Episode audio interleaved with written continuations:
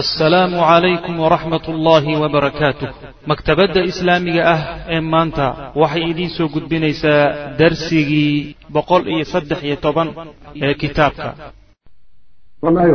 Waan igu soo daba jirnaa buu nabigu uri salawatullahi wasalaamu calayh marka ziyaarada qabri baqiic uu ziyaartay sagooti bay iyagana ka dhigan tahay oo muslimiintii baqiici buu sagootinayaa ku aasnaa. Siduu shuhadadii uxud ba nabigu u soo sagootiyey salawatullahi wasalaamu calayh bidaayat lmarad cudurkii oo nabiga bilaabay salawatullahi wasalaamu caleyh wa fi lyowmi ataasici waalcishriin maalintii sagaal iyo labaatanaad oo min shahri safar bisha safar yani sagaal iyo labaatankeedii sanata ixdaa cashar alhijriya sannadkii kow iyo tobnaad ee hijriga wa kaana wuxuuna ahaa yowma alithnayn maalin ithniinani ahay. Ayaa shahida rasuulu lahi sal ly sl nebigu wuxuu ka qeyb galay janaazatan janaaze ayuu ka qeyb galay fi lbaqiic janaaze muslimiintu ay lahaayeenoo baqiic lagu aasayey yuu nebigu ka qeyb galay salawatullahi wasalaamu caleyh oo uu goobjoog ka ahaa. Falamaa rajaca markuu soo laabtay wa huwa fi ariiq isagoo jidka ku soo jira. Janaazadii markuu saa uga soo laabtay oo reerka uusan soo gaadhin baqiic oo qubuuraha iyo guriga nebiguna sal alay wasalam waxba uma dhexeeyaan. Ilan gurigiisu masaajidku ku yaalla taqriiban. Yani baqiic iyo markaa hawd bay ahayd. Hadda wixii o dhan waa wada laami waaye bal masaajidka nebiga salawatullahi wasalaamu caleyh baaba qubuurta hadda u dhow jid yarun baa udhexeeya macnaa baabuurta marto qubuurta iyo masaajidka macnaha saas wey marka waa waagaa laakiin hawd bay ahayd. Aan la iska arkaynin oo geedaa ku yaallay macna marka markuu saa uga soo laabtay intuusan gurigiisa soo gaadhin ayaa akhada waxaa akhadahu nebiga waxaa qabtay sudaacun ayaa fii ra'sihi madax xanuun. Madax xanuun baa madaxa ka qabtay macnaha madaxuu ka xanuunsaday.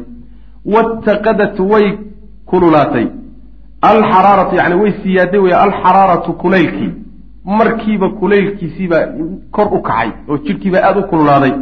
Xataa inahum ilaa ay kaanuu ka noqdeen saxaabadii yajiduuna kuwa dareemaya sawrataha xanuunkaa iyo qandhadaas raadkeeda iyo yacni saamaynteeda.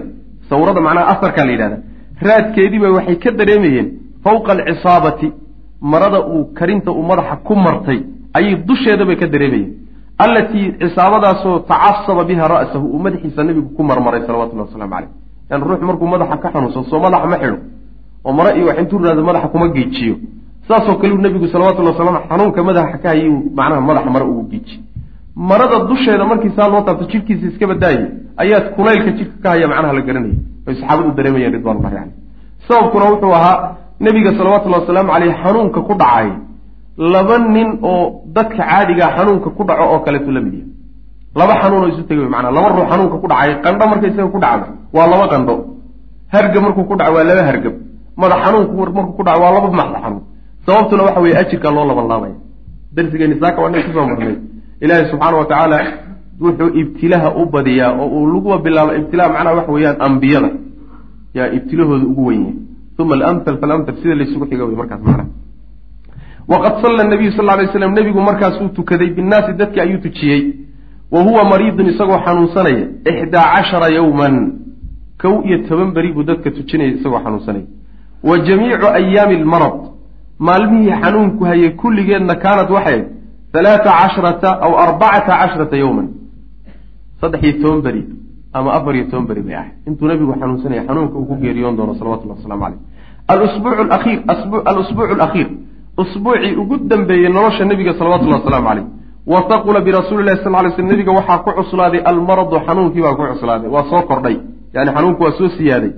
Fajacala nebigu wuxuu bilaabay sal lay slam yas'alu inuu weydiiye aswaajahu haweenkiisa ayuu weydiinaya haweenka ilan wuxuu samayn jiray nebigu sal lay slm haween badan buu qabay.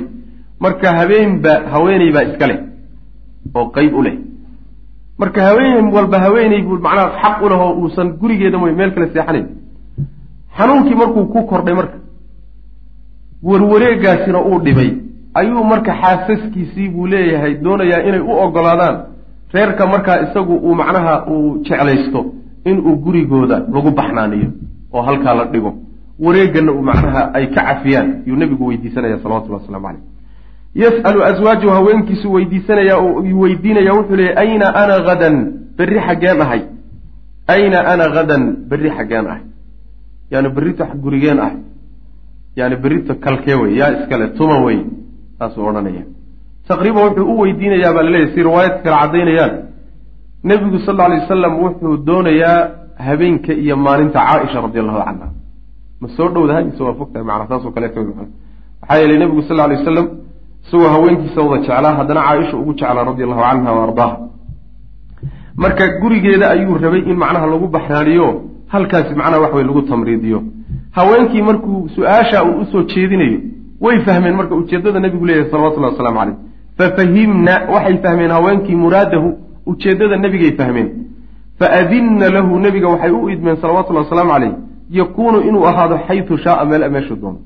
Feerihiisa tii alla tii uu doono inuu macnaha la joogo oo halkaa lagu baxnaaniyo ayay u wada idmeen nebiga salawatullahi waslamu caleyh faintaqala ilaa caaishata xanuunkii uu nebigu xanuunsanayay salawatullahi wasalaamu caleyh haddii haweenkii idan in la weydiista mooyaane aan guri layska seexan karayn ninkii caafimaad qabay ka waran marka haweenka badanna qabay soo inkaari kama taagin saas wey macana nabigu sal lla lay slam isagoo xanuunsanayo oo in la qaado mooya aan socon karin ayuu haddana haweenkii leeyahay meel io ogolaada macna iska kay cafiye saasoo kale macana faintaqala nabigu wuxuu u wareegay sal lla lay slam ilaa caaishata caaisha ayuu nabigu u wareegay gurigeeda.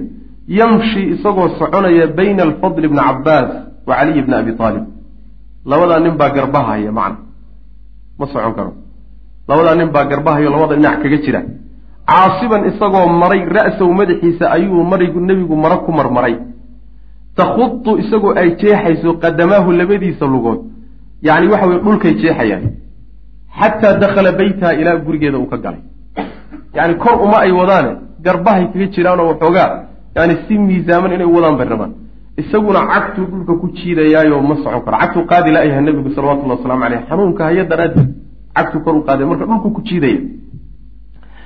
Gurigeedii ilaa uu ka tegay bay saa ku wadeen. Faqadaa nebigu wuxuu gutay cindahaa agteeda wuxuu ku gutay caaisho agteeda aakhira usbuucin. Usbuucii ugu dambeeyey oo min xayaatii nolosha nebiga ka mid a salawatullahi waslamu caleyh gurigeeduu markaa joogay.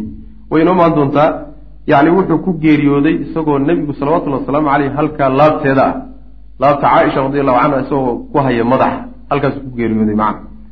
Wa kaanat caaishatu caaisha waxay taqra'u mid akrida bilmucawidaat bilmucawidaat qul acuudiyada. Ayay ku akrinaysay waladciyati iyo ducooyinka. Allatii ducooyinkaasoo xafidadha ay ka xifdiday min rasuulilah sal ly sl nabiga ay ka qabatay ducooyinkii nebigu uu ku tufi jiray dadka xanuunsanayo kuwii isku tufi jiray iyo qul acuudiyada iyo ayay ku tufi jirtay nebiga salawatullah ku akrin jirtay. Fa kaanat waxay tanfusu mid afuufta calaa nafsihi naftiisay ku tufi jirtay. Nafdiga waxaa la yidhahdaa waa yani afuufid candhuuf yar ay la socoto ama candhuufba inay la socon taasoo kaleeto way macna wa tamsaxuhu waxay ku masaxaysay oo ku tirtiraysay biyadihi gacantiisay marmarinaysay rajaa albarakati baraka ay yani waxa weye rajaynaysa daraaddeed. Macnaha waxa weye ruuxu ma xanuunsanaya meeshuu ka xanuunsanaya waxaa sunno ah. In macnaha waxa weye gacanta laga saaro saasoo kaleeto axaadiista ku saaro marka gacanteeda intay macnaha ka dayso oy gacantiisa qabatuu iyay meeshii uu ka xanuunsanaysay saa uga marmarinaysaa macnaha maxaa yeele gacantiisaa teeda ka baranka badan. Teeda tiisaa ka baranka badan. Iyadu marka qur'aankiibay akrin ducooyinkiibay ku tufi gacanta la marmarinayana waa tiisii macnaha saasay samaynaysa radi allahu canha wa qabla alwafaati bikhamsati ayaam geeridii nabiga sal alla alay wasalam shan beri ka hor. Intuusan geeriyoonin shan beri ka hor. Wa yowma alarbicaai maalintii arbacada ahayd. Qabla khamsati ayaamin shan beri hortood min alwafaati geeridiisiina shan beri ka horaysa ayaa itaqadat waxaa si daran u hurtay xaraaratu alcilla xanuunka kulaylkiisii fii badanihi nabiga jidhkiisa salawatullahi wasalaamu caleyh yacni kulkiisa aad si aada u sarraysa ayuu u kacay. Fashtadda waxaa daraaday bihi nebiga alwajacu xanuunkiibaa ku daraaday wa gumiya waana la miyir daboolay. Miyirkiisii baa tegey macnaha ruux markuu aada xanuunka ugu daraado oo miyir beelo. Waa miyir beele nebigu sal lay slam fa qaala wuxu uhi nebigu sal lay slam hariiquu shuba.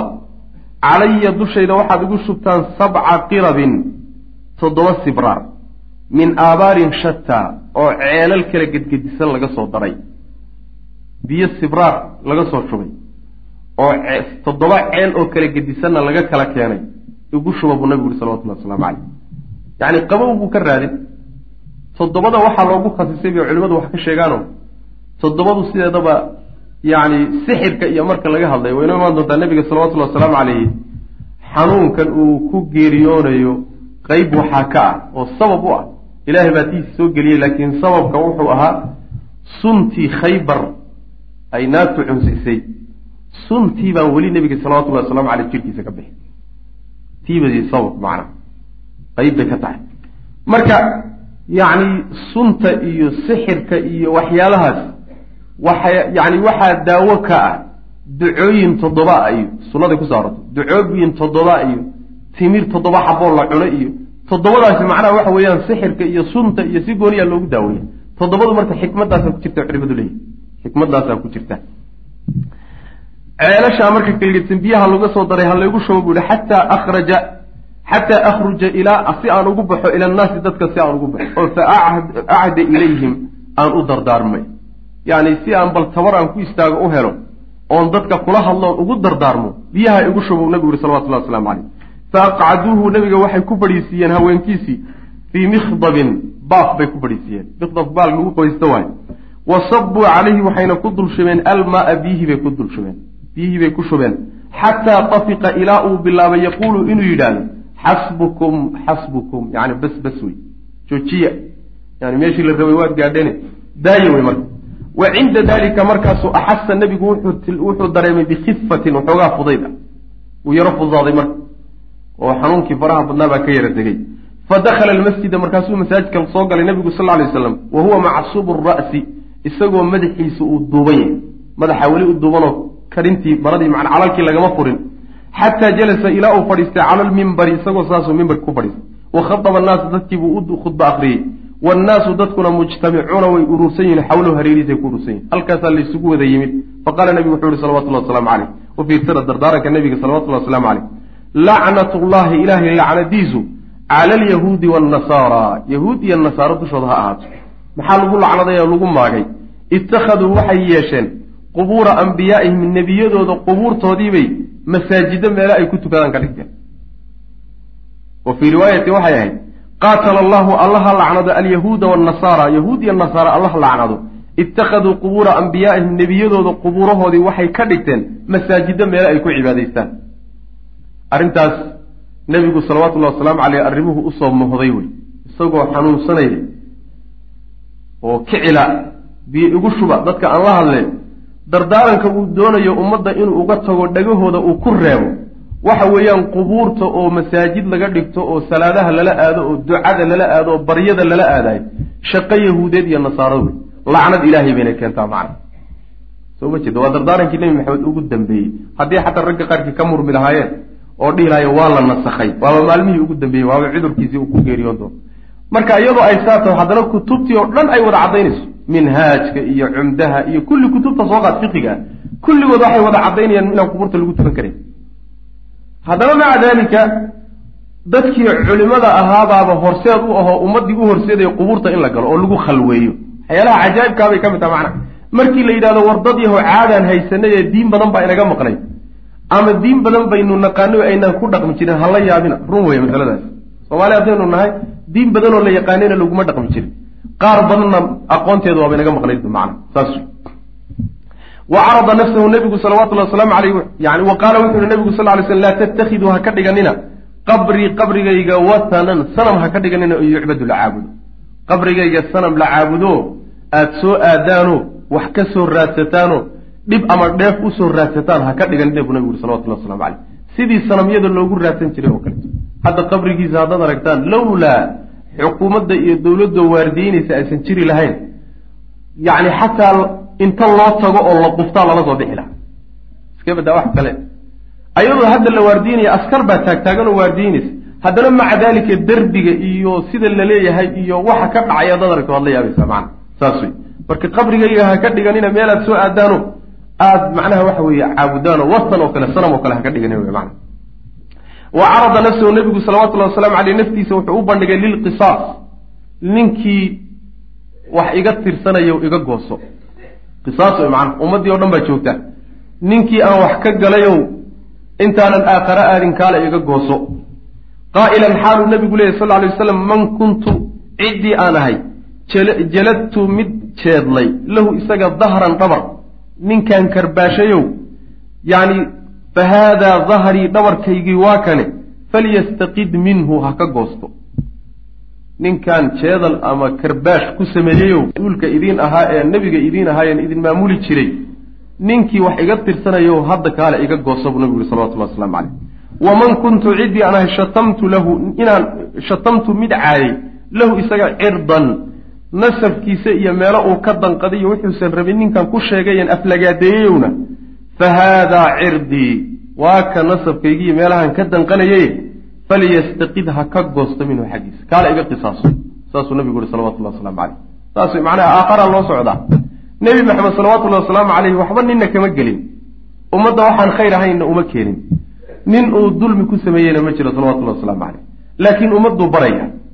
Ummadduu barayaayo ruuxu mar hadduu ehel aakhira iyo xag aakhira aada u sii socoto war wixii lagugu lahaa macnaha wax weeyaan maarta iska bixi. oo ciddii wax macnaha kaa tirsanaysa iga goosadhe hadduusan kaaba cafiyeynin macna. Yacni waa tarbiye ummadda uu nebigu barayo salawatullahi wasalaamu caleyh uma nazla nebigu waa soo degay salawatullahi wasalaamu calayhi fasalla duhra duhurku marka tukaday mimbarkuu ka soo degay. Uma rajaca markaasuu laabtay fajalasa cala almimbar salaaddii duhurka markuu tukaday ayuu haddana mimbarka dib ugu laabtay wa caada nebigu wuxuu ku laabtay limaqaalatihi luulaa hadalkiisii horuu dib ugu laabtay fi shaxnaa yacni uurkutaalada shaxnaaga waxa la cuqdada iyo xiqdiga laysu qaado ayuu nebigu ku hadlay ka hadlay iyo wakayriha wixii la mid yani inaad qalbiga la fayoobeeyo oo qalbiga laysu xaadho oo xasadka iyo xumaanta qalbiga laga saaro taasuu nebigu ka hadlay salawatullahi waslamu caleyh faqaala rajulu nin baa wuxuu yidhi inna lii cindaka nebigo agtaada waxaan ku leeyahay halaathatu daraahima saddex shilin baan kugu leeyahay ilan wax tirsheegtaa la yidhi sooma war ninkii wax igu lahaayo sheego soo lama dhehen nebigo saddex shilin baan kugu leeyahay bu oon weli la ii gudin. Faqaala nebigu wuxuu yihi sal ly slam actihi sii yaa fadlu fadliyow kaco. Saddex dirham intaad u soo qaada sii buui ceeb maa waxaasaan kugu leeyahay inaad ku tidhahdo mas'uulka muslimiin nebi maxamed baa lagu leeyahay salawatullahi wasalaamu caleyh waa xuquuq waay. Haddaad cafiyin kartana cafi waa fiican tahay. Haddaadan cafiyeynin war waxayga hadlaysiiyo. Ceeb maaha oo hufan macna saas weyaan uma awsaa nebigu waa dardaarmay salawatullahi wasalaamu caleyh bilansaar ansaar. Buu ummadda kala dardaarmay. Nimankii ansaar la odhan jiray reer madiina ee nebiga soo dhoweeyey salawatullahi wasalaamu caleyh diintana wax weyn u qabtay yuu nebigu marka dardaaran ka tegey ummadda uu kala dardaarmay arrimahooda qaa'ilan isagoo leh. Darsigeena dambe insha allahu tacala hada wabillahi tawfiq sala allahuma waslama cala nabiyina maxamed wala alihi wasaxbi waslm alxamdu lilahi rabi lcaalamiin wsali allahuma wslama cala nabiyina muxamedi wcala aalihi wasaxbihi ajmaciin ama bacd waxaan ku dhex jirnay nebiga salawatullahi wasalaamu calayhi noloshiisa maalmihii ugu dambeeyey iyo dhacdooyinkii dhacay shan beri markay ka laaban tahay geeridiisa salawatullahi wasalaamu calayhi dhacdooyinkoodii baan ku dhex jirnay maalintii arbacada ahayd. Inuu nebigu khudbo akhriyay salawatullahi wasalaamu calayhi oo mimbarka uu fuulay markaana uu dadka hadal u jeediyey. Ayaan soo sheegnay hadalkiibaa marka qeybna uu darsigeennii hore galay. Qeybna waatan oo nebigu salawatullahi wasalaamu calayhi wuxuu si gooniya uga dardaarmay nimanka la yidhahdo ansaarta. Ansaartu waa labadii qoys ee madiine degi jiray aws iyo khasraj ee nebiga salawatullahi wasalaamu calayhi yani soo dhoweeyey difaacay nimankaa wey macana nebigu marka wuxuu yihi sal alla alay slam isagoo ummadda kala dardaarmaya ree ansaareed uusiikum waxaan idinkala dardaarmayaa oon idin dardaarmayaa bilansaari ree ansaareed. Maxaa yeelay fa inahum iyagu karishi waa calooshaydii wey wa caybatii boorsadaydii waay. Karishka karshina waa la yidhaahda waa xoolaha.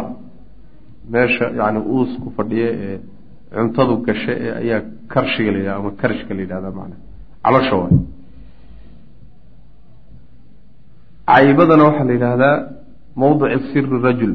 Ruuxu meeshuu waxyaalaha qaaligaa iyo sirtiisa iyo gashado meelaha dukumentiga qaaliga hadda la gashadaa macnaha caybada la yidhahda marka nebigu wuxuu ka wadaa salawatullahi wasalaamu caleyh hadalkaas. Waa hadal macnaha wax wey sarbeeb a wey waxaana laga wadaa waa saaxiibadaydii iyo dadkaygii goonida aha waay dadkii aniga ixigay meeshii ammaanadayda aan dhigan lahaa boorsadii aan sirta gashanayey dadkii dad iigu xigay weeyaan buu nabigu leh sal ly slam ayib waqad qadow way guteen ree ansaareed alladii shaygii calayhim dushooda ah xaqii dushooda ahaa waa guteen wa baqiya waxaana hadhay alladii kii lahum iyagu ay lahaayeen wuxuu tilmaamayaa maalintii nebiga salawatullahi wasalaamu caleyh beycatu lcaqaba caqabo markii nebiga ay heshiiska ku gala ku wada gelayeen ee beycadaasi ay gelayeen nebigu sal alla alay wasalam laba arrimood baa la isdhaafsaday oo nebigu sal alla alay wasalam wuxuu yihi waa haddaan idiin imaadoon idin soo gaadho waad idifaacaysaan diinta iyo mabda iyo waxaan watay iyo caruurtiina iyo ehelkiina saad u difaacdaan baad ii difaacaysaan taa way guddoonsadeen soo maa waa xaqii lagu lahaa buu ahaa. Xaqay iyagu lahaayeenna wuxuu ahaa arrinkaa hadday sameeyaan muxuu ahaa shannay lahaayeen soo ma?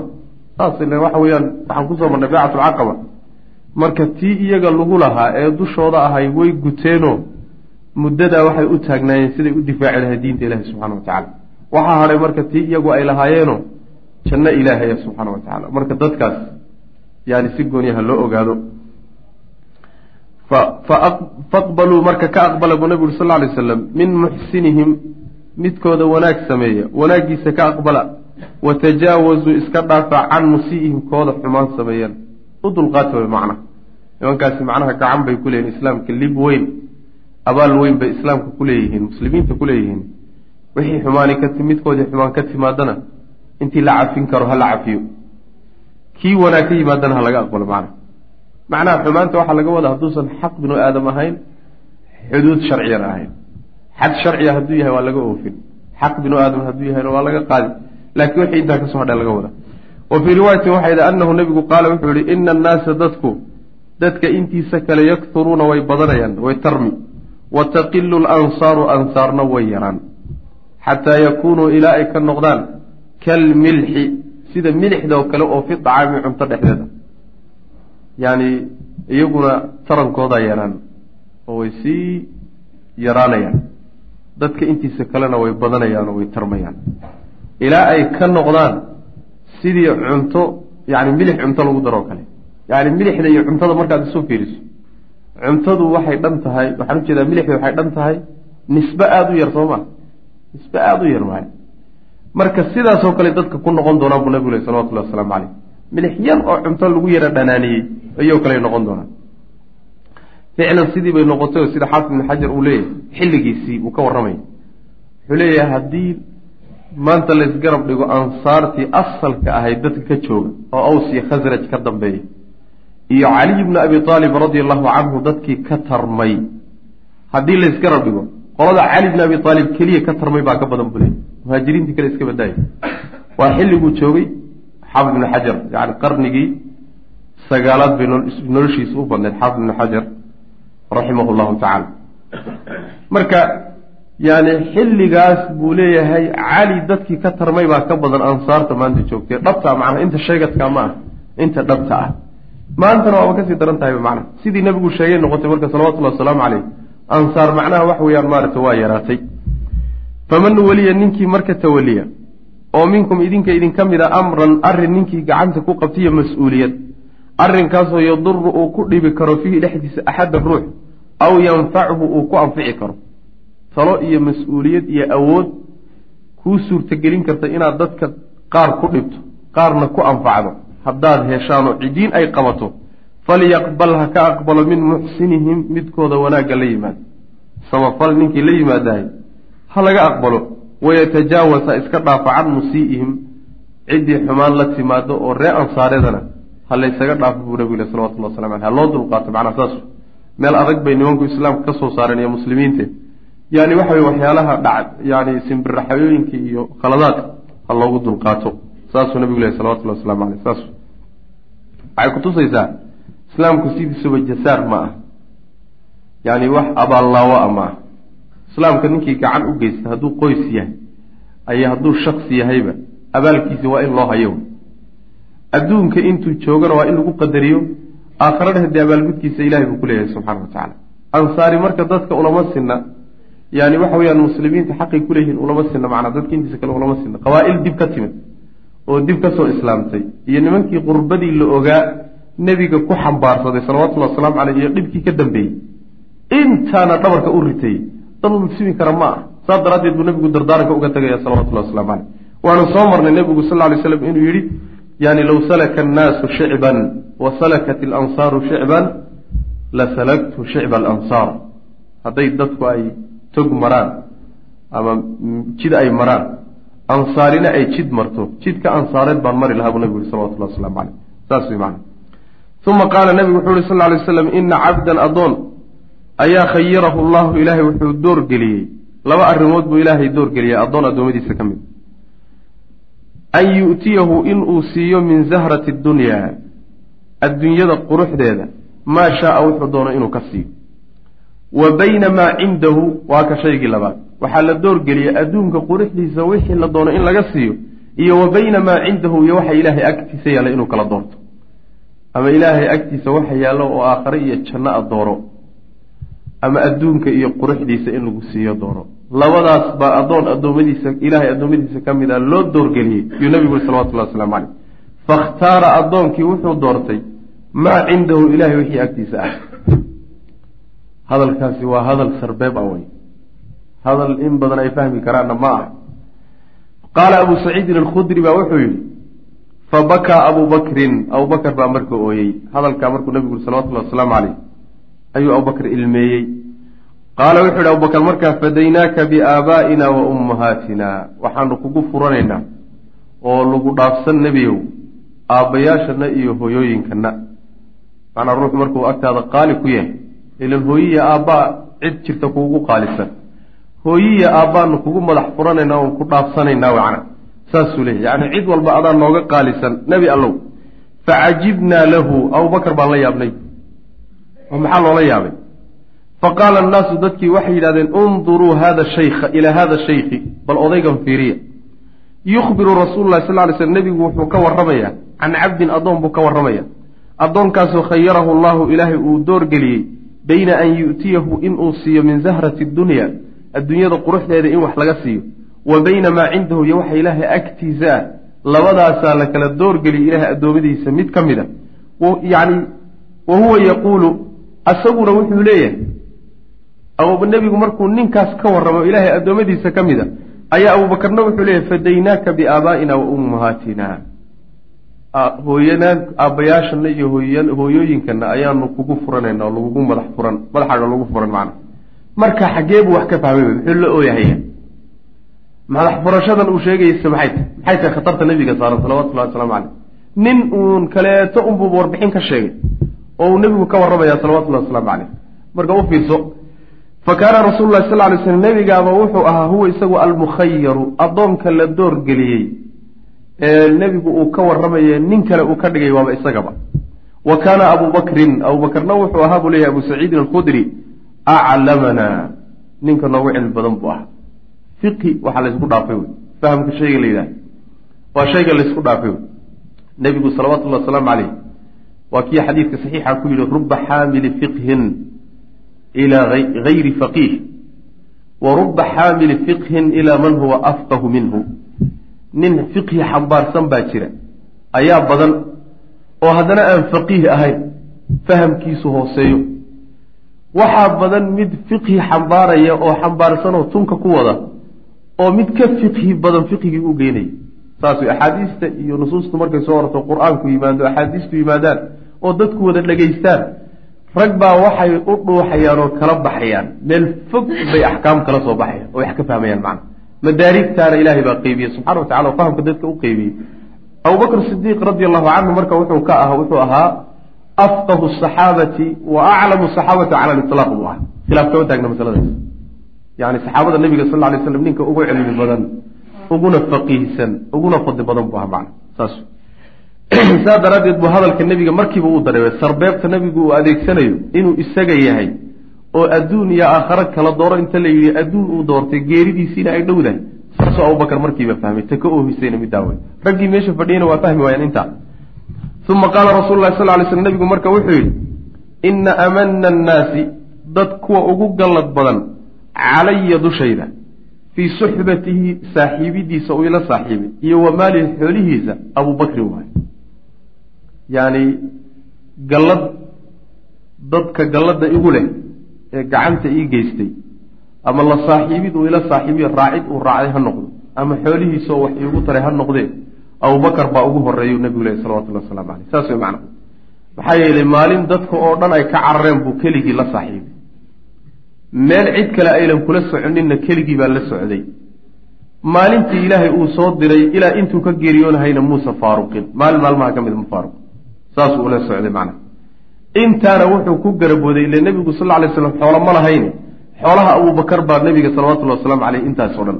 Uu macnaa wax alla wixii awooddiisa iyo tabar a muusan hagranin marka nebigu sal alla alay wasalam si gooni ah ayaa abubakar abaalkaa loogu hayey walow kuntu haddaan ahaa haddaan ahaan lahaa bu nebigu uri sal lay waslam mutakhidan mid samaysanaya khaliilan mid khaliil ah. Hayra rabbii oo rabbigay aan ahayn latakhadtu waxaan ka dhigan lahaa abaabakrin baan khaliilan ka dhigan lahaa. Macnaha waxa weye khaliilka waxaa la yidhahda waa ruuxa jacaylkiisu uu qalbigaaga buuxiyaa la yidhahda marka nebiga qalbigiisa salawatullahi wasalaamu caleyh jacayl ilaahay baa ka buuxay sidaa daraaddeed makhluuq makhluuqaadkiisa ilaahay ka mid a qalbigiisa jacaylkiisu boosba uma haynin. Wuu jeclaa makhluuqaadkii iyo saxaabadiisiiy waa jeclaa laakiin khulladu waa martabo ka sarraysa xubbiga jacaylka caadiga ka sarraysa. Marka mansilada iyo martabada ilaahay unbaan khaliil io amcna khulladaa ilaahay unbaan uhaya iyo jacaylka heerkaa gaadhsiisan saa daraaddeed dadka kuwaan ugu jeclahay meeshaa xataa ilama gaadhayaan hadduuse jiri lahaa nin meeshaa uu iga gaadhaya jacaylkiisu abubakar buu ahaan laha buu nabigu uri salawatullah waslamu caleyh saas wey macana walaakin ukhuwatu lislaami laakiin islaamka walaaltinimadiisa iyo wamawadatuhu ayaa midda naga dhexaysa macna islaamka walaaltinimadiisa iyo jacaylka islaamnimo ayaa naga dhexeeya laa yabqayanna yuusan hadhin buu nabigu sal lay slam fi lmasjidi masaajidka dhexdiisa baabun albaab yuusan ku hadhin. Ilaa sudda ha la xidho. Ilaa baaba abi bakrin abubakr albaabkiisa mooyaane masaajidka yani xaafadaha albaabo badan oo ka imaanaya baa jira oo masaajidka soo gelaya hadda masaajidka xarabka ad argteen yani baabu fulan iyo baabu fulan iyo baabu fulan albaabo badan buu leeyahy sidoo kaleeto masaajidka masjidu nabawiguna albaabo badan buu lahaa oo laga soo galo oo xaafadaha ku furan. Albaabka abubakar waxaan ahayn uu ka soo galo albaabada kaleo dhan hala xidho buu nabigu uri salawatullah waslamu caleyh waa la xidxidhay marka. Kulli waa la gufeeyey.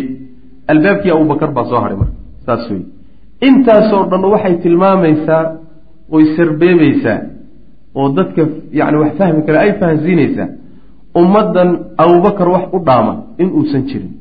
Nebi maxamedna salawatullahi wasalaamu caleyh ummaddan waxaa uga dambayn doona abubakar baa uga dambayn doona. Intaasaa loo gogol xaadhaya macna. Ma sugna xadiid nebigu salawatullahi wasalaamu caleyh si cad uu u yidhi abubakar baa xilka muslimiinta iiga dambayn doona ama u dhiiba oo cad ma jiro laakiin waxaa jirta nusuus aada u fara badan oo markii laysu ururiyo sheegaysa oo laga fahmayo inuu nebigu salawatullhi waslamu caleyh abubakar u diyaarinayay inuu mas'uuliyadda uga dambeeyo macna.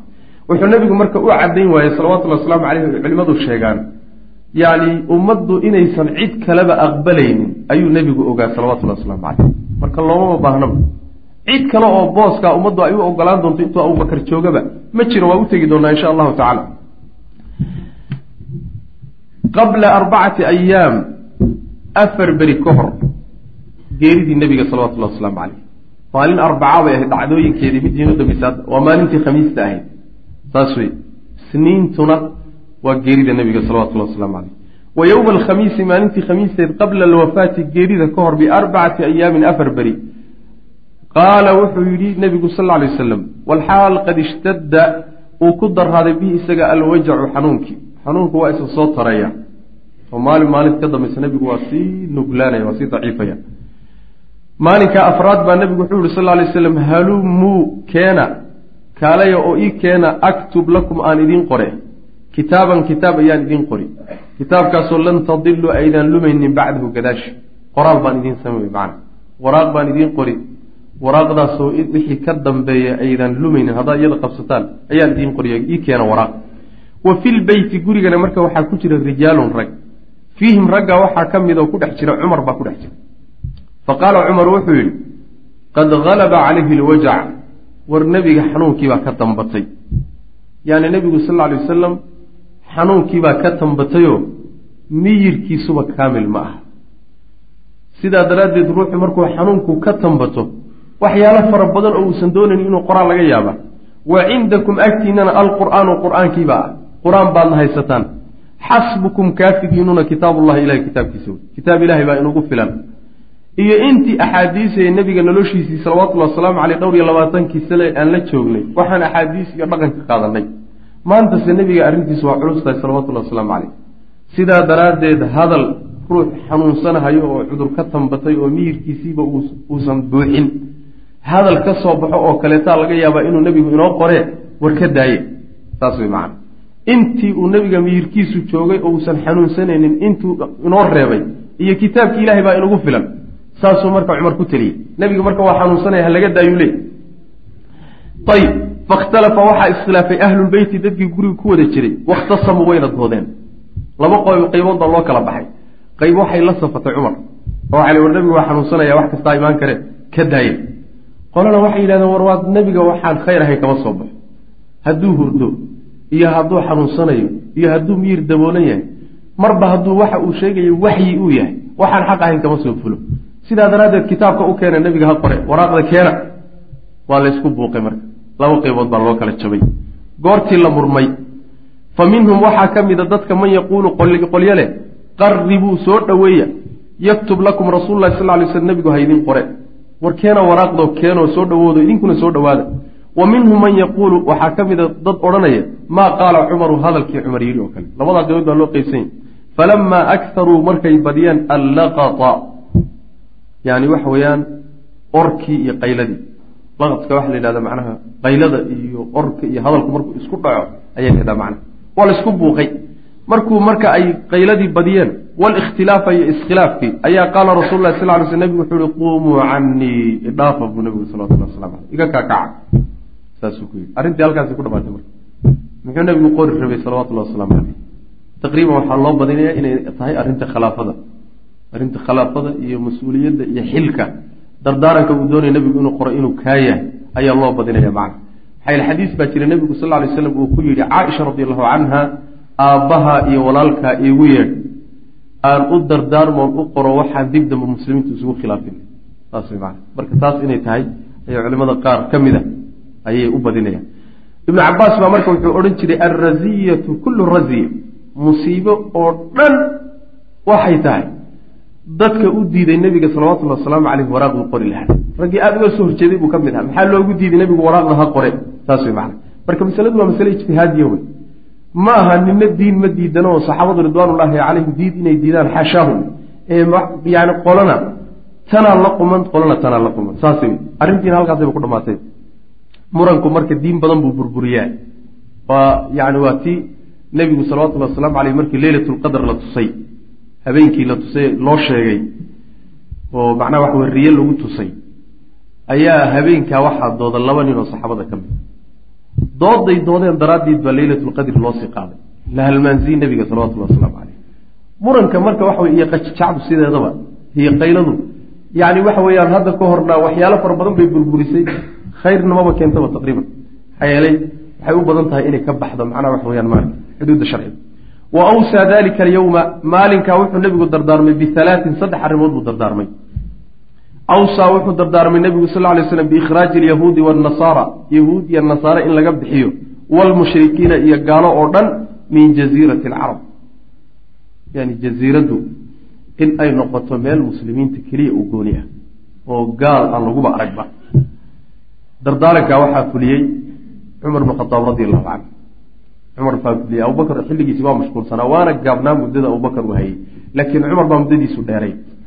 Markaasuu yahuudi ka raray isagaa khaybar ka raray oo jaziiratulcarab ka raray oo macnaha wax weeyaan yani masaafuriyey. Wa uusaa nebigu wuxuu dardaarmay sal lay waslam biijaazati alwufuud ergooyinka muslimiinta u imaanaya ummadaha kale ka socda in abaalgud la siiyo binaxwi maa shay oo kale kaana uu ahaa nebigu yujiizu mid uu abaalguda yani wafdigu markuu yimaado oo ama booqasho u yimaado ama arrimo uu u socdo oo muslimiinta uu kala hadlayo wafdigaa nebigu salawatullahi wasalaamu caleyh markay ambabaxayaan waxbuu ku ambabixin jiray. Marka taana nebigu waa ka dardaarmay salawatullahi waslamu caleyh yani dhaqan wanaagga ummadaha marka lala dhaqmayo in dhaqan wanaagsan lagula dhaqmo macna taasuu nebigu dardaarmaya ama athaalitu arrinkii saddexaad ee nebigu uu dardaarmay fa nasiyahu raawi ninkii xadiidka soo tabinayey ayaa halmaamay walacalahu waxaana laga yaabaa in alwasiyatu ay dahay tardaaran uu nebigu dardaarmay bilictisaab bilkitaabi wasunna kitaabka ilaahay iyo sunnada nebigoo la qabsado. Taa inay ahayd saddexaad baa suurtagal ah. Aw amase tanfiidu jeyshi usaama. Ama waxay ahayd ciidanka usaame in la diro. Soo marnay soma ciidankii usaame ciidankuu nebigu salawatullah slam calankiisa guntay ee ugu talagalay inay ruum ku duulaan ciidankaa diritaankiisa inay ahaydna waa suurtagal. Arrinta saddexaad ee nebigu dardaarmay ee raawigu halmaamay. Aw amase hiya midaasi asalaatu waa salaada. Wamaa malakat aymaanukum iyo waxay gacmihiinu hanteen. Yani dardaaramadii nebigu ugu dambeeyey ee carabkiisa ka sii dhawaaqayey ayay ahayd asalaata asalaata wamaa malakat aymaanukum war salaada ilaaliya salaada war salaada iyo addoommada gacmihiina ku jira saasuu nabigu salawatullah wasalaamu caleyhi ugu dambey dardaarmadiisa ugu dambey macna. Taa inay ahaydna waa suurtagal macna. Wanabiyu sal ly sl nebigu maca maa kaana iyadoo ay jirto wixii ku sugnaa bihi isaga oo min shiddati almaradi xanuunka daran ah. Isagoo xanuunkaa daran u hayay ayuu kaana haddana wuxuu aha nebigu sal ly slm yusallii binnaas dadka ayuu tujinayay jamiica salawaatihi salaadihiisoo dhan xataa dalika alyowm xataa maalintaas khamiiseed.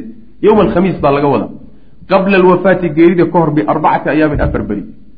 Geeridiisa afar beri ka hor oo maalinta khamiista ah xataa nebigu salaadaha isagaa muslimiinta tujinay isagoo xanuunkaa daran u hayo.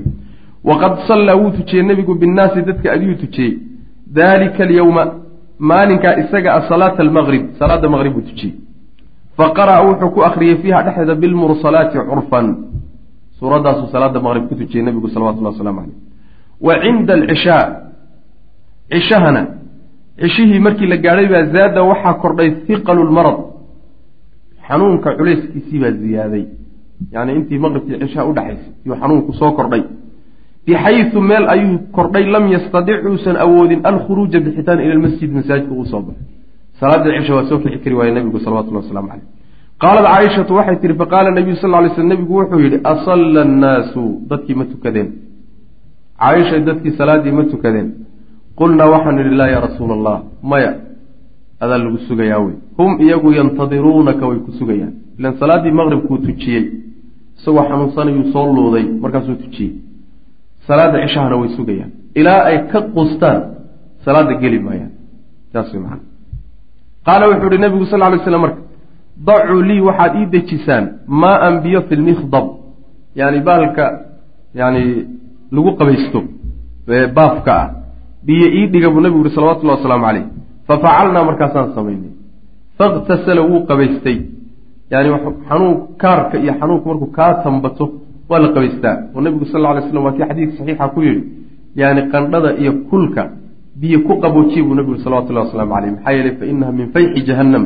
Jahanama neefsigeeday ka timid macna saas marka wuu qabaystay nebigu sal lla lay waslam fadahaba wuxuu damcay liyanuu'a inuu hinqado markuu qabaystay yuu damcay inuu istaago macna fa uqmiya calayhi waa la miyir daboolay nabiga salawatullahi wasalaamu caleyh markiiba miyirkii baa ka tegey uma afaaqa wuu miyirsaday faqaala wuxuu yihi nabigu sal lay slam asalla annaasu.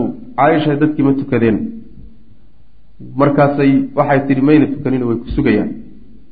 Haddana inuu kucu damcay wuu dhacay. Waa kici waaye nebigu salawatullah waslam waa miyir daboolmay. Mar saddexaad buu haddana isku dayey waa kici waaye wa waqaca haaniyan markii labaad mar labaad waxaa dhacay wa haalitan iyo mar saddexaad. Maa waqaca wixii dhacay oo kale fi lmarati aluulaa markii hore oo min aliqtisaali qabaysiga uma aliqmaa miyir daboolka xiinamaa araada markuu doono an yanua inuu istaagaba. Yani saddex goor buu intuu isku dayay inuu kaco oo kol mid walba u qabaysanayo ayuu haddana nebigu salawatullah waslamu aleyh kici kari waayey. Fa arsala nebigu wuxuu u cidiray ilaa abi bakrin. Abubakar buu u cidiray an yusalliya binnaasi dadka inuu tujiyo. Yani u fiirso. Nebiga haddii meesha laga waayey salawatullahi wasalaamu caleyh weli isagoo nool yaa ummadda imaam u noqonay abubakar ma war baa yaalla marka? Hadduuba salaadii meeshii nebigu ka soo jeeday salawatullahi wasalaamu caleyhi nebigoo nool uu ka soo jeedsaday oo nebigu tag yidhi. Nebigu markuu geeriyoodo kadibna macnaheedu waxa weeye isagaa meesha nebiga taagan maaha soo war iska cad maaha marka yani waa adilada laga fahmi karayo bal si cad looga fahmi karo inuu nebigu tilmaamay salawatullahi wasalaamu caleyhi khilaafada abubakr macna fa sallaa abuu bakrin abubakar baa marka dujiyey dadka tilka alayaami maalmahaas sabcata cashara salaatan fii xayaatihi. Intuu nebigu noolaa salawatullhi wasalaamu caleyh toddobiyo toban salaadood buu dadka tujiyey macnaa abubakr sidiiq radi allahu canhu. Wa raajacat caaishatu caaisha ayaa nebiga yani ku noqnoqotay halaaan aw arbac maraat halaa aw arbac maraat saddex ama afar goor bay ku laabatay. Oo ay kala hadashay arrinta abubakar liyasrifa si uu macnaha waxa weeyaan maaragtay uga leexiyo nebigu alimaamata imaamnimada can abi bakrin si uga leexiyo. Abubakar macnaha waa aabbaheed sidaa daraaddeed lama rabto inuu meeshii nebiga ka muuqdo salawatullahi wasalaamu caleyh oo maxay ugu diidi xataa laa yatashaa'ama si aynan u baasaysanin bihi isaga annaasu dadku aynan u baasaysanin ilaan waxa weeyaan ruuxii xanuunsanahayo oo weliba geeriyooninba hawlihiisii adoo yani waxa way hayo oo meeshiisii ka soo jeeda haddii lagu arko. Dadku waxay odhanaya warkani muxuu ahan gaari ku dhacday. Waaba laga yaabaa macnaha wax weyn maarata ninku hadduu qaali yahay oo dadka agtooda qaali ku yahay wax bedelana aynan u haynin. Ninkii markaa ka muuqmuuqda meelihiisa way karaahaysan. Marka karaahadaasay u diidan tahay aabaheed iyo macnaha waxoogaa sharaysiga ay dadku sharaysanayaan waxoogaa marka waxay damcday iyadoo nebiga sal ly slam toos ugu sheegin in ay intay waxyaalo kale u sheeg sheegto. Uu nebigu abubakr sidiiq meesha ka leexiyo oo nin kale meesha geeyo taasay aada ugu dadaasho weliba ku noqnoqotay nebiga salawatullah waslamu caleyh nebi allow abubakar waa nin qalbi jilicsan oo meeshaadii hadduu istaago xusuus baa ku dhalan oo dadkaba salaad ma tujin karo. Oohin buusan salaada la wadi karayni saasay macnaha ku aqri markaasaa nebigu sal lay slam fa abaa waa diiday wa qaala wuxuu ihi ina kunna markaa waxay wadataa xafsa xafsay wadataayo macnaha leedahay hawsha kula jirta oo nebiga la qancin rabto fa abaa waa diiday nebigu sal lay slam wa qaala wuxuu ihi ina kunna idinku sawaaxibu yuusufa yuusuf haweenkii saaxiibadii ahaa oo kalaad tihiin macna yani suuratu yuusuf haweenkii lagu sheegay soo garanaysaan imra'at alcasiiz iyo kuwii gacmahooda iskogooyey iyo yani wuxuu ka wadaa khayaanadii haweenkaasi ku kaceen oo kale yaad wadataan way macna haweenka suuratu yuusuf lagu sheegay ee nabiyullahi yuusuf qisadooda kisadiisa ku soo arooray khayaanadoodii kalead maleegeysaan macnaa idhaafa. Muruu abaa bakrin abubakar amra buu nabigu yuri sal lla lay waslam falyusalli binnaas. Dadka ha tujiyo. Warka intaad joojisaan abubakar fariintaa gaadhsiiya buu nabigu yuri salawatullahi waslamu caleyh xadiidka riwaayaadkiisa qaar ka mida waxay leeyihiin nabigu wuxuu yihi sal lla alay wasalam aba allaahu waalmu'minuuna ilaa abaa bakrin. Ilaahay waa diiday. Mu'miniintuna diide. Waxaan abubakar ahayne abubakar u sheega buuri dadka ha tujiya nabigu salawatullahi waslamu caleyh saas macana qabla yowmin aw yowmeyn maalin iyo laba beri ka hor geeridii nebiga salawatullahi wasalaamu caleyh hadda waxaynu joognaa maalintii sabtida ahayd taqriiban yowma sabti maalintii sabtida ahayd aw ilaxadi ama maalintii axad ahayd ayaa wajada nabiyu sal lay sl nebigu wuxuu helay fii nafsihi naftiisa wuxuu ka dareemay khifatan waxoogaa fudayd ah. Waxoogaa fudayd oo macnaha cudurkii inuu ka yara jabiyey ayuu dareemay. Fakharaja wuu soo baxay nebigu sal lay slm bayna rajulayni laba nin dhexdood buu ku soo baxay. Yacni laba nin baa garbaha haya oo u dhex socdaa oo jiidaya. Waasaynu soo marnayo luguhu macnaha waxa weeyaan waa culus yahay mar hadduu culus yahayna macnaha garbaha in la qabto mooyaane. Ma socon karayo macnaha isagu si toosa isuma taagi karo. Fakharaja bayna rajulayni lisalaati duhri salaatii duhurku u soo baxay. Wa abubakrin isagoo abubakarna yusallii binnaasi uu dadka tujinayo falamaa ra'aahu abubakrin abubakar baa markuu arkay nebiga ayaa dahaba wuxuu damcay liyata'ahara inuu dib u soo durko. Nebigii oo la soo wado markuu arkay salawatullahi wasalaamu caleyh ayuu wuxuu damcay inuu gadaal gadaal u soo gurto. Oo dib u soo baxo safka soo galo oo nebiga u baneeya salawatullahi waslamu caleyh meesha. Fa awmaa ilayhi nebigu wuxuu u tilmaamo o u ishaaray. Abubakar wuxuu u ishaaray bianlaa yata'ahara inuusan dib u soo guranin. Yani gacantu ugu tilmaamay salaada wad macna. Qaala wuxuu yidhi nebigu sal lla alay slam yani meeshaada joog. Qaala nebigu marka wuxuu yihi salawatullahi wasalaamu calayhi ijlisaanii ama ajlisaanii ifadhiisiiya ilaa janbihi dhinaciisa ifadhiisiiya faajlasaahu waxay fadhiisiiyeen ilaa yasaari abi bakrin abubakar dhankiisa bidix bay fadhiisiiyeen yani ilan ma taagnaan kareen dhanka bidix buu abubakar ka fadhiistay abubakarna ummadii buu hortaagay salaada tujinaya nebigu marka dhanka bidix buu ka fadhiistay oo ka horeysa fa kaana abubakrin wuxuu ahaa yaqtadii bisalaati rasuuli lahi sal ly slm nebiga salaadiisuu ku xidhnaa wa yusmicu annaasa dadkan wuxuu maqashiinaya atakbiira allahu akbartuu maqashiinaya yani muballiq buu taqriiban ahaa macna nebigu maadaama uusan hadalka gaadhsiin karin dadka allahu akbartaasuu gudbinayey oo dadka u tabinayey. Laakiin nebigaa imaam ahaa salawatullahi wasalaamu caleyh oo dadka tujinayay macna. Isaguna dadka unbuu hadalka u tabinay macna. Iyo nebiga afcaashiisa salawatullahi waslamu caleyh fadhiguu marka ku tujiyey dadkuna waa taagtaagan yihiin. Waa xadiidka ishkaalka faraha badan uu ka yimaado isagii xadiid kale yani taqriiban daahiraadan moodaa inay isku dhacsan yihiino uu nabigu uri sal lla alay wasalam haddii imaamkiinu fadhiisto la fadhiista imaam fadhiya haddaad ku daba xidhataan la fadhiista. Hadduu taagan yahayna la istaaga xadiid noocaasaa jira oo saxiixa macna. Xadiidkan iyo xadiidkaasay marka culimadu aada uga doonaan fatxulbaariga ninkii doona ha ka daalacda macnaha jamcintooda qabla yowmin maalin ka hor maalin ka hor geeridii nabiga sal alla alay wasalam wa qabla yowmin maalin ka hor min alwafaati geerida waa yowmu laxadi maalintii axaddaa laga wadaayo yuactaqa anabiyu sal ly sl nabigu wuxuu xoreeyey khilmaanahu addoommadiisi waxaa wixii addoommo uu lahaa. Wuu xoreeyey wa tasadaqa wuxuu sadaqaystay bisabcati danaaniira toddoba diinaar oo kaanad ahayd cindahu agtiisa. Xoolaba intaasuu ka naxa. Toddoba diinaar baa gurigiisa yaalla. Toddobadiina hala bixiyo. Wa wahaba nebigu wuxuu u hibeeyey lilmuslimiina muslimiinta wuxuu u hibeeyey aslixatan hubkiisii. Wixii hub uu lahaana muslimiintuu ku wareejiyey wa fi leyli habeenka dhexdiisa habeenkaa dhexdiisa waa habeenka isniintaa wey ayay istacaaratu waxay soo caariyeysatay. Caaishatu caaisha waxay soo daynsatay azayta saliidii lilmisbaaxi faynuusta min jaaratiha deriskeeday ka soo caariyeysatay. Habeenkaas faynuus wax nabiga loogu shido salawatullhi wasalaamu caleyh lama hayo. Xanuunkiisa caaisha waxay ka maarmooday intay deriska u kacdo inay gaaskii faynuusta lagu shidi lahaa inay ka soo caariyeyso oy ka soo qaadato macna.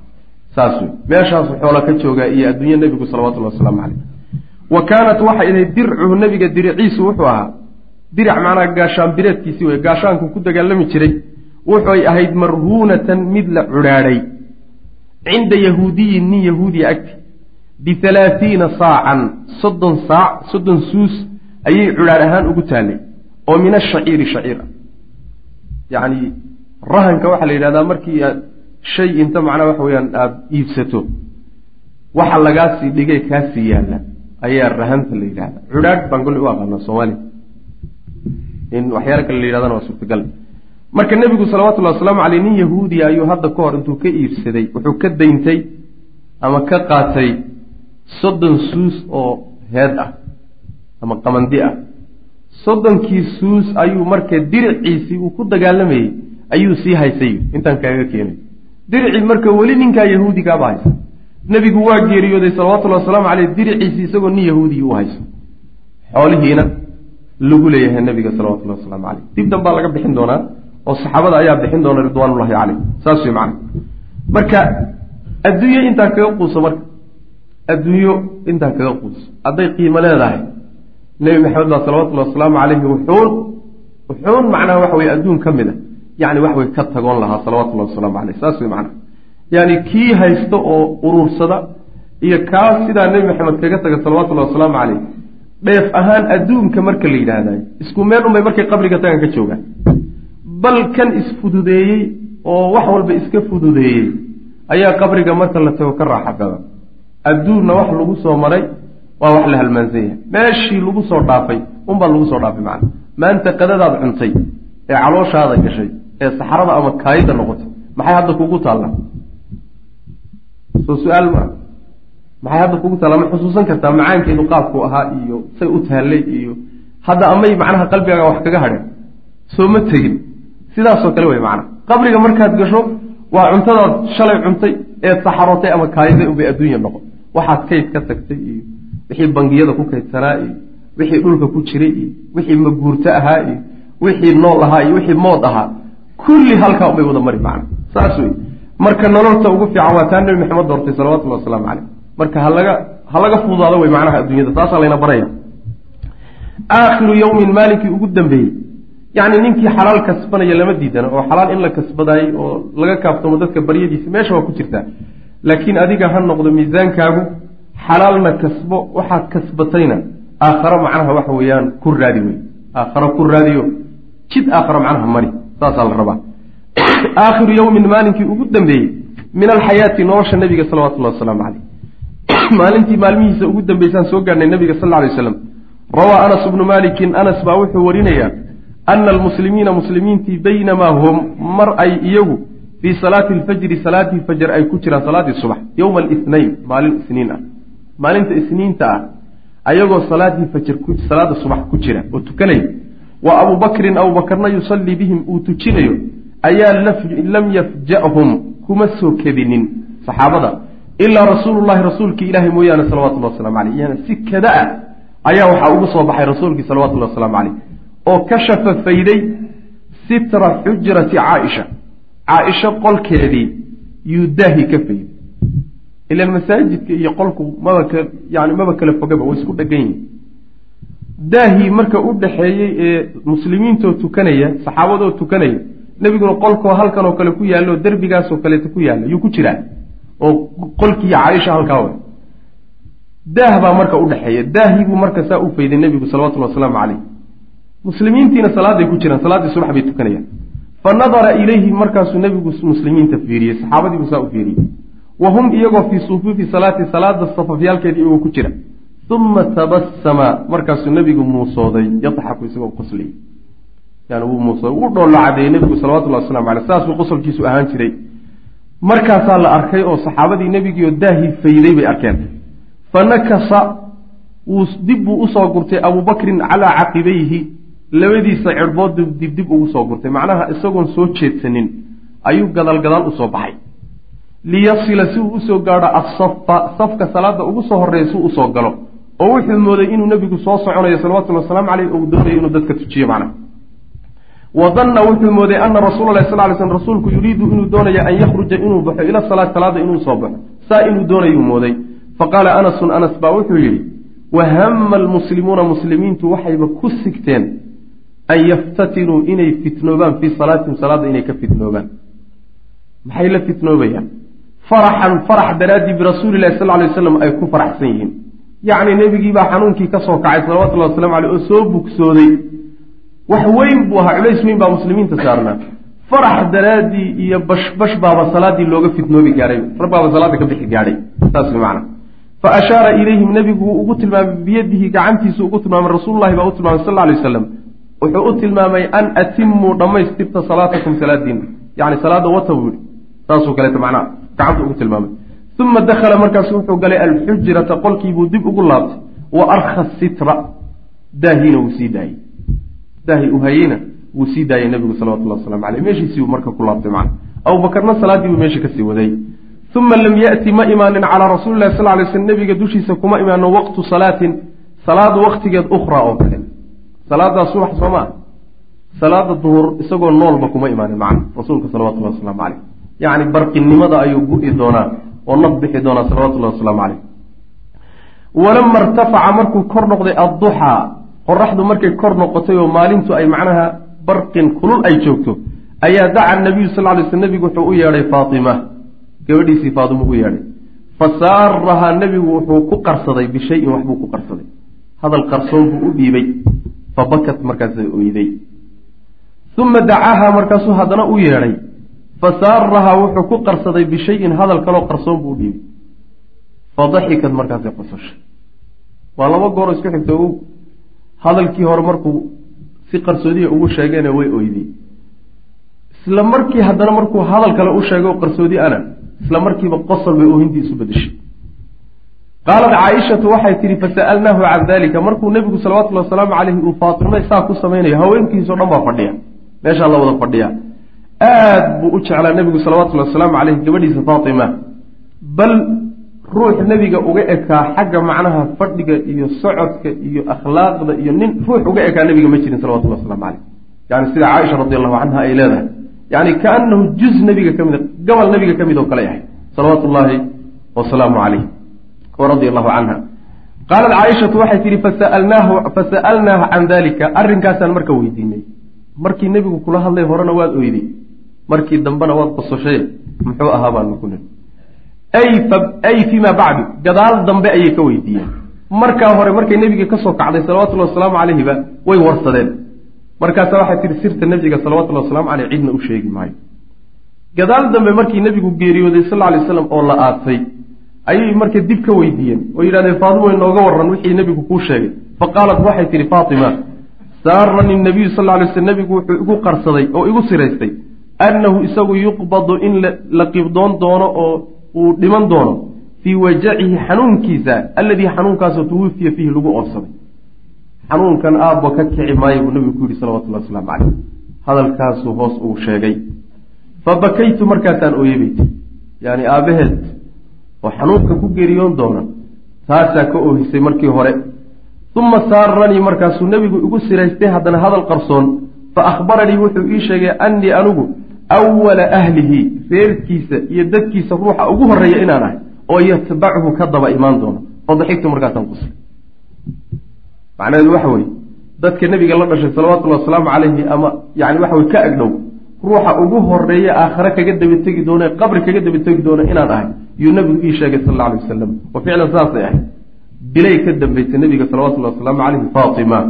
Way geeriyootay. Iyadaana ugu horreysay ehelka nebiga wax ka daba geeriyooda macna oo nebiga raaca ayib wa bashara nabiyu sal ly sl nebigu wuxuu ugu bishaareeyey faatima.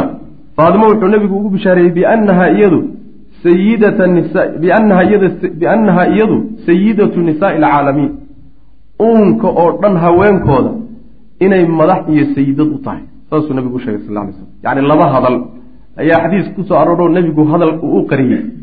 Midi waa kaas oo waa markii dambe ay qososhay. Midi waxa weeyaan inuu inay iyadu ugu soo horreyn doonto cidda soo dhiman doonta ee ehelka nebiga ka mid a salawatullahi wasalaamu caleyh hadalna waxa weeye wuxuu nebigu ku yidhi sal alay wasalam inta haween jira ilaahay abuuray ayaad sayidad u tahay labadaa hadalba labadaba axaadiista way ku soo arooreen waana midda keentay inay faatima qosasho radia allahu canha wa ardaaha. Wa ra'at waxay aragtay faatimatu faatima waxay aragtay maa birasuulillahi sal lay slam nebiga waxa kusugan oo macnaha oo min alkarbi kurba ah xanuun ah ashadiidi oo aada u daran alladii kaasoo yatakashaahu daboolay yani xanuunka daran ee nebiga sal alay wasalam daboolay ayay aragtay faqaalad waxay tihi waa karba abaa alla aabbahay xanuunkiisoo ubay tii macna. Faqaala lahaa nebigu wuxuu ku yuri sal lay wasalam laysa calaa abiiki. Aabbahaa dushiisa ma ahaanin karbun wax kurba ah bacda alyawmi maanta kadib. Maanta kadib aabbaha ma kurban doono. Walaalayaal darsigaani halkaas ayuu ku eg yahay. Allah tabaaraka wa tacaala waxaan ka baryaynaa inuu nagu anfaco. Assalaamu calaykum waraxmat ullaahi wbarakaatu